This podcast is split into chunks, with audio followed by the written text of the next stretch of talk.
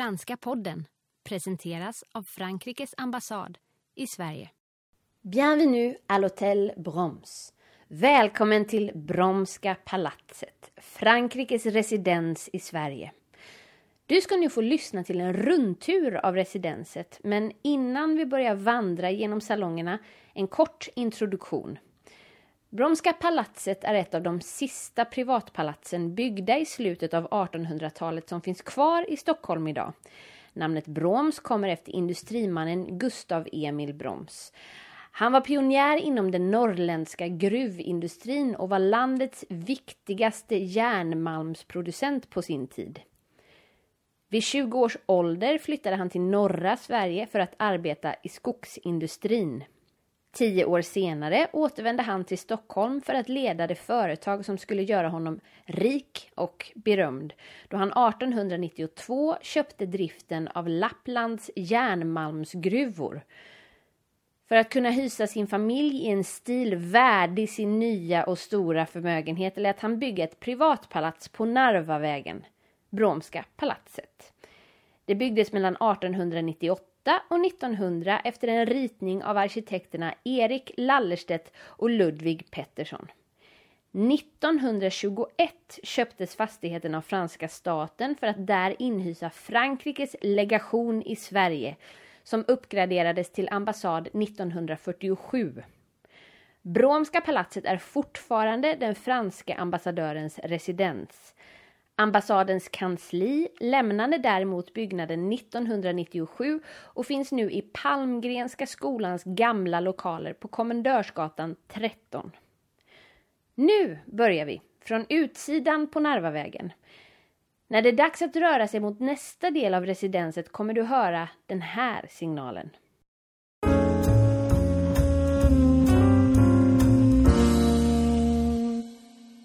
Fasad och byggnadsbeskrivning.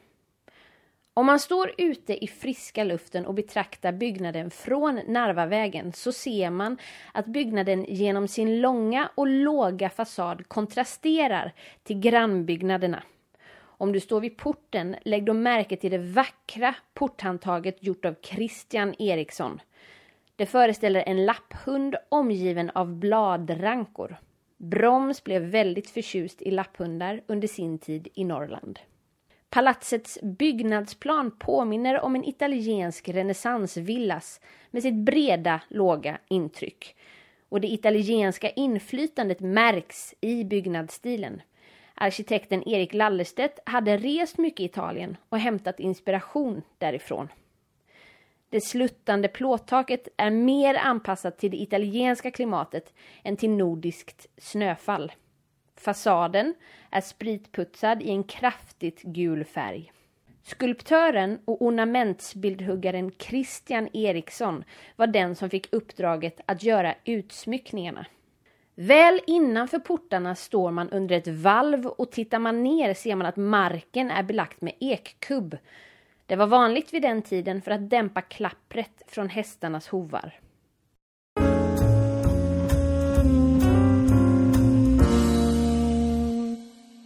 Entré.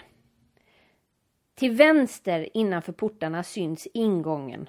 En marmortrappa leder upp till salongerna. I entrén möts vi av ett pampigt porträtt av kardinal Richelieu målat av Philippe de Champagne. Det är en kopia. Originalet hänger i National Gallery i Storbritannien. Richelieu var en mäktig kardinal i Frankrike under Ludvig den trettonde. Längst bak i rummet syns porträtt av Karl XII, en kopia efter originalet av Marcelin Jean Botrel. Det moderna inslaget här är tavlan Grand Interior 4 av den katalanske skulptören Jaume Plensa. På franska residenset blandas klassisk och modern konst. Ambassadörerna kan sätta sin egen prägel genom att byta ut konstverken med jämna mellanrum.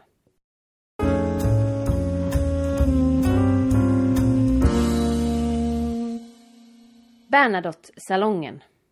Till vänster om entrén ligger den röda Bernadotte-salongen Rummet tjänstgjorde ursprungligen som herrrum dit herrarna drog sig tillbaka efter middagen. Salongen gjordes om i empirstil efter att franska staten förvärvade byggnaden. Salongen domineras av porträttet av Jean-Baptiste Bernadotte. Bernadotte som fältmarskalk av François-Joseph Quinson. Det är en kopia av ett original som återfinns på slottet i Versailles. I augusti 1810 valde Sveriges riksdag den franske fältmarskalken Jean-Baptiste Bernadotte till Sveriges tronföljare. Efter att ha adopterats av Karl XIII, som inte hade några arvingar, tillträdde han tronen 1818. Ett extraordinärt öde för denne man som gick från att vara en enkel soldat till att bli kung av Sverige och Norge. Övrig konst i salongen är porträtt av markisen d'Avrancourt, Frankrikes ambassadör i Sverige på 1700-talet, målat av Gustav Lundberg och verket Porträtt av fältmarskalk de Villars som är en kopia av en målning av Hyacinthe Rigaud.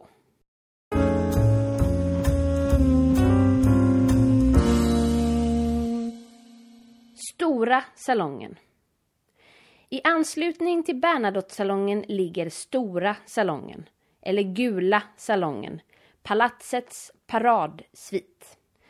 Här fanns ursprungligen målningar av Cederström, Liljefors och Fanny Hjelm. Originalmöblerna från 1890-talet byttes ut när den franska beskickningen flyttade in på 1920-talet. En kristallkrona och en flygel hörde också till rummets ursprungliga möblemang.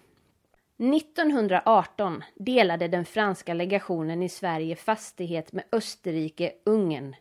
Det ville den nya ambassadören Louis de Lavaux ändra på. Han ville förvärva en fastighet i Stockholm istället för att betala för dyra hyreskontrakt. Otåligheten att förfoga över ett lämpligt residens hade också med de moderna och politiska förpliktelserna att göra. Kungen hade nämligen återupplivat traditionen att äta middag hos de utländska delegationscheferna. Louis de Lavaux fick efter ett tag nys om en vacker egendom som tycktes motsvara de franska kraven perfekt, nämligen Bromska palatset. Ägaren, Anna Augusta Broms, var änka till Gustav Broms. Först ville emellertid inte franska utrikesdepartementet, Quai d'Orsay, lägga fram en ansökan om anslag inför parlamentet. Men efter flera turer beslutades det att Frankrikes legation skulle förvärva Bromska palatset. Köpet genomfördes officiellt den 1 oktober 1920 till ett belopp av 1 350 000 kronor. På väggarna hänger konstverken Stockholmsvy av Marquet, Romantiskt landskap av Cordier, Carnaval de Venise av Hollander, Vue de Hollande av Rohner, Le Parc de Luxembourg av Chapelain Midi.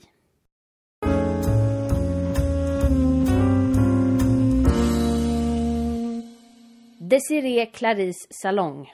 I fil med Stora salongen finner vi Desiree Claris salong, eller Blå salongen, inrett i direktoarstil. Tidigare var det kabinettet, eller damrummet.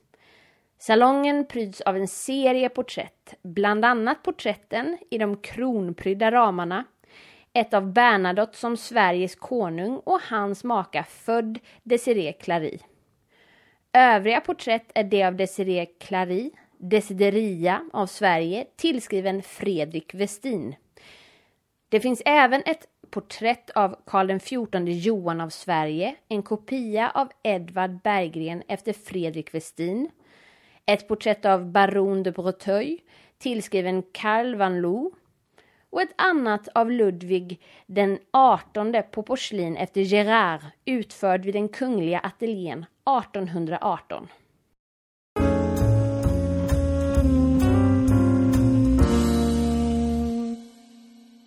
Gobelängrummet. Från den blå salongen leder en trappa ner till det vackra gobelängrummet. Det tidigare blomsterrummet, även kallat vinterträdgården. Blomsterrummet var familjen Broms samlingsplats såväl till vardags som när man hade gäster.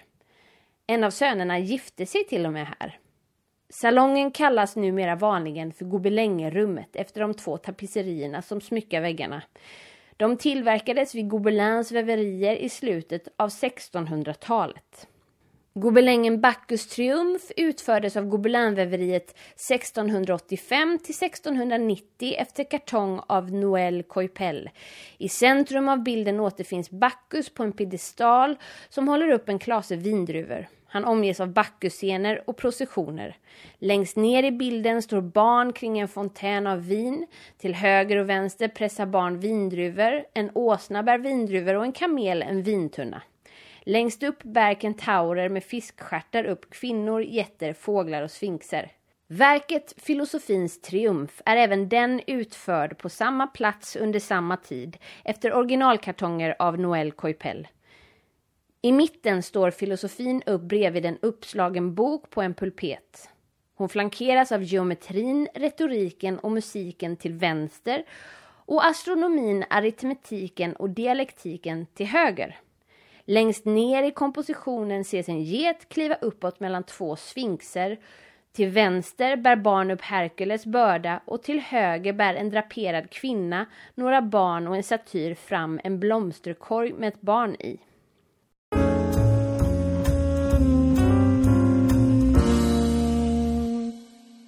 Matsal och park. Om man går ut ur gobelängrummet in i blå salen och tar till vänster så hamnar man i matsalen. Rummet har ett omsorgsfullt utsirat kassettak. Salongen var på familjen Broms tid möblerat med ekmöbler. Ett spisöverstycke i brons av Christian Eriksson föreställer de fem sönerna. Numera hålls ambassadörens middagar i det här rummet. Gobelängen är från Aubusson-väveriet och heter Resorna efter kartong av Jean Picard Lebout. Vanligtvis står två kandelabrar utsatta i varsin ände av rummet. De är gjorda i förgyllt och målat trä från slutet av 1800-talet. Fru Broms älskade naturen och trodde på idrottens dygder när det gällde fritidsaktiviteter för sina fem söner. Trädgården, som man kan skåda genom matsalens fönster och dubbeldörrar i glas, var exceptionellt stor för att tillhöra ett privat hus i Stockholm. Där fanns träd och blommor samt en tennisbana som de franska representanterna med beklagan såg sig tvungna att offra när legationen flyttade in. På Broms tid fullbordade en ko och några hönor den lantliga känslan som familjen Broms ville ha när de inte var på sitt sommarnöje på Värmdö.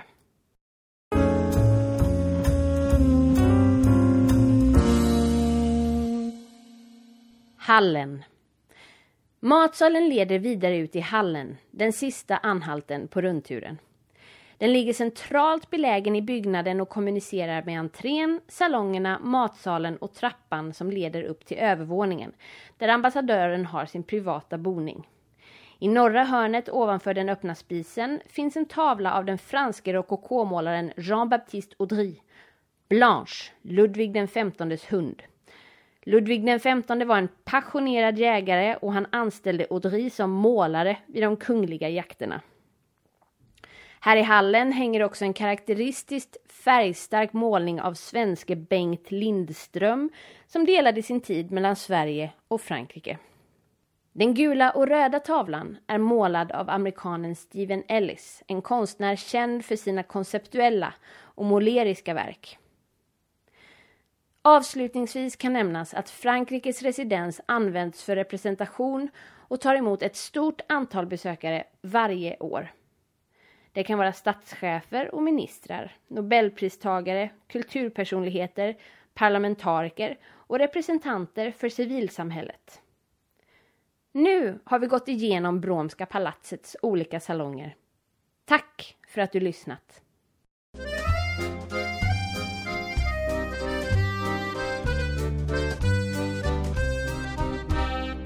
Franska podden presenteras av Frankrikes ambassad i Sverige.